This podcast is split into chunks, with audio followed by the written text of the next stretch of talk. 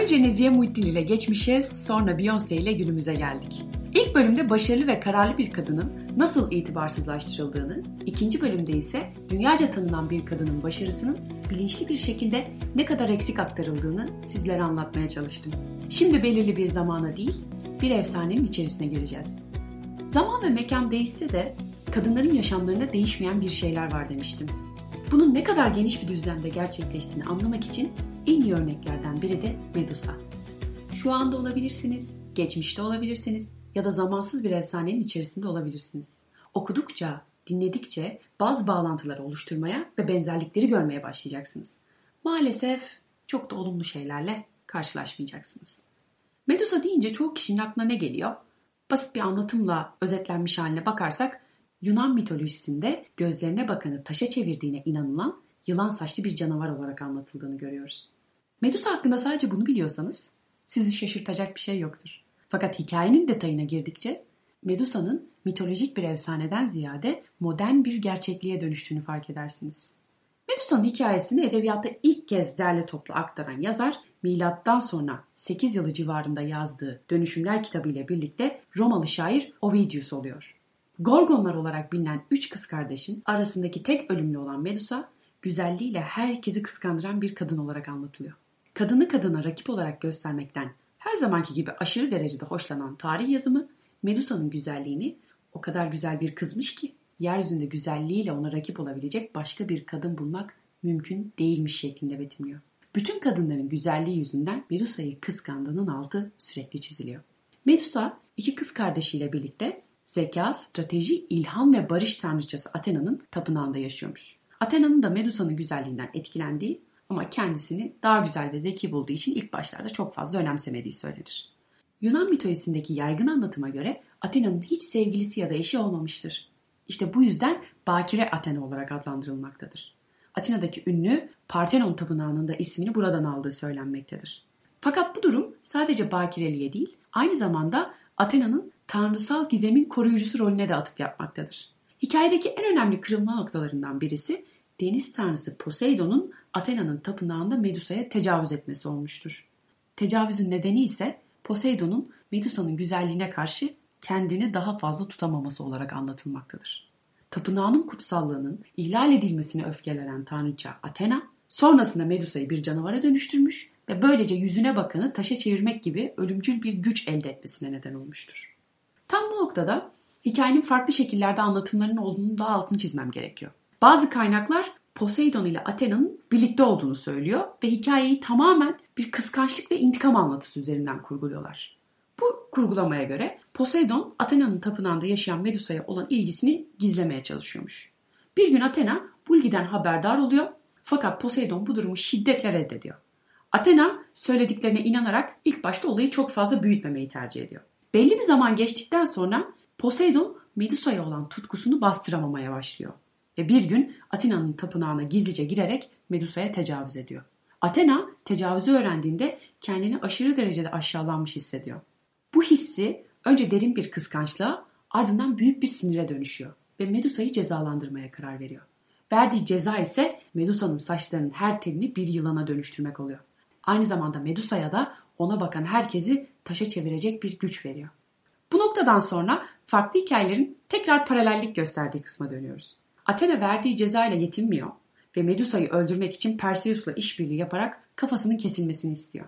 Perseus aynalı kalkanı, kanat süslemeli sandaleti ve kelleyi koyacağı bir torba ile yola çıkıyor.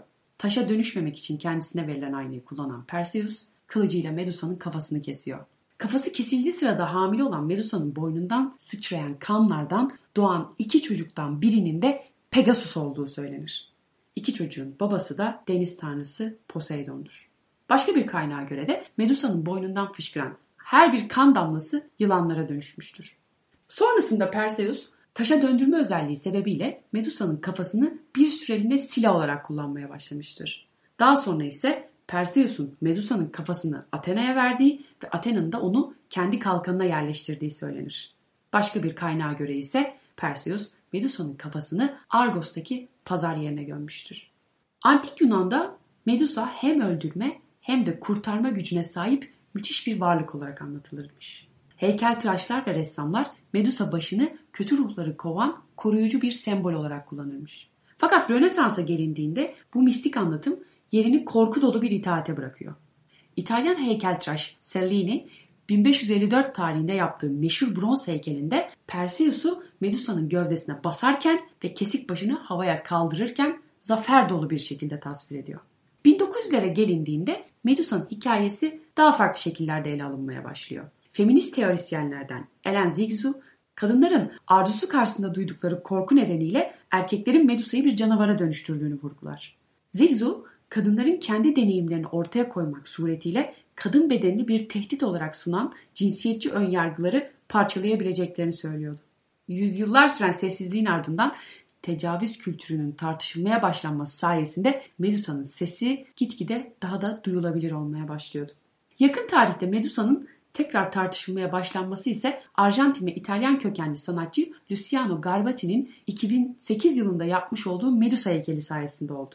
Garbati, heykeltıraş Cellini'nin Perseus'un zaferini temsil edecek şekilde yaptığı tasviri reddetti ve Medusa'yı elinde Perseus'un başıyla heykelleştirdi. Yani kendini savunan bir Medusa. Fakat Perseus'un aksine Medusa'nın yüzünde zafer ve gurur değil, kendini savunmak için savaşmayı seçen kararlı ve öfkeli bir ifade vardı. Bu tasvirin şiddete karşı kendini savunan kadın imajını güçlendirdiğini söyleyebiliriz. Heykeltıraş Garbati eserine yönelik yaptığı yorumlarda çok önemli noktalara da şu şekilde değiniyor. Onu tecavüze uğradıktan sonra ve Perseus ile savaşırken hayal etmeye çalıştım. Kararlı ve öfkeli olabileceğini düşündüm. Ama sadece bir cevap olarak, çektirdiği acıdan gurur duymadan. Korkmuş ama hala kararlı. Ve sonunda Medusa heykeli bu şekilde oluştu. Tabii kendisini savunma kararlılığı feminist bir davranış olarak görülebilir. Ama ben onu her zaman yalnız hayal ettim. Dünyadaki bütün kadınların gösterdiği empati onu feminist yapıyor. Bana göre artık yalnız değil ve bu heyecan verici. Ve feminizm hepimize daha fazla adalet ve eşitlik sağlayan değişikliklerin peşinden gitmenin hala mantıklı olduğunu gösteriyor. Sanatçının yorumundan anlaşıldığı üzere Medusa artık feminist bir ikona dönüşmüştü. Bu zamana kadar Medusa'ya çok farklı perspektiflerden bakılmış. Bunlar arasında en az öne çıkan ama bence üzerine düşünmeye değer olan bir tanesini sizlerle paylaşmak istiyorum. Athena'yı kıskanç bir kadından ziyade Medusa'yı korumaya çalışan bir kadın olarak düşünebilir miydik? Medusa'nın gözünün içine bakanları taşa çevirme özelliği bir lanet değil de kötü niyetli erkek bakışına karşı koruma gücü olabilir miydi? Medusa efsanesi ataerkil ve erkek egemen bakış açısıyla anlatılırken sadece ürkütücü görünümü ve erkekleri taşa çevirme özelliği vurgulanıyor. Tecavüze uğradığından genellikle hiç bahsedilmiyor. Bu tarz bir anlatım Medusa'nın canavara dönüştürüldükten sonra uyguladığı şiddetin sürekli altını çizerken öncesinde ona uygulanmış olan şiddeti görmezden geliyor. Medusa adının korumak anlamına gelen eski Yunanca bir fiilden türetildiği söyleniyor. Bu anlam ise Athena'nın Medusa'ya yaptıklarını onu Poseidon ve diğer erkeklerin kötü niyetinden korumak için yapmış olabileceği fikrini ortaya çıkarıyor. Athena, Medusa'ya erkeklere karşı kullanılabilecek bir güç vermiş olabilirdi ve bu güç erkek bakışlarını cezalandırma ve onlardan korunma gücüydü. Aslına bakarsanız hiçbir hikayenin tek bir boyutu yok. Ama hepsinin yaygın ve baskın olan bir anlatım şekli var. Her zaman söylediğim gibi söz konusu kadınlar olduğu zaman yaygın olan anlatım asla olaya kadınların cephesinden bakan anlatım olmuyor. Yaşanmış olanları değiştirmek zor. Yıllarca süre gelmiş olan efsanelere farklı bir cepheden bakmak zor. Ancak bakmak gerekiyor. İçine içine bakmak ve sabretmek gerekiyor. Kadını çoğu zaman görmezden gelen gözlere sert de sabırla bakmayı ne zaman öğrenirsek işte onları ancak o zaman taşa çevirebiliyoruz. İlk başta da söylediğim gibi Medusa'nın hikayesi mitolojik bir efsaneden çok daha fazlası. Kadının kadına rakip olarak kurgulandığı, şiddeti uygulayanın değil, şiddeti görenin kötü gösterildiği, kadının kendisine gösterilen şiddete karşı pasif kaldığı, sonunda da öldürüldüğü bir hikaye.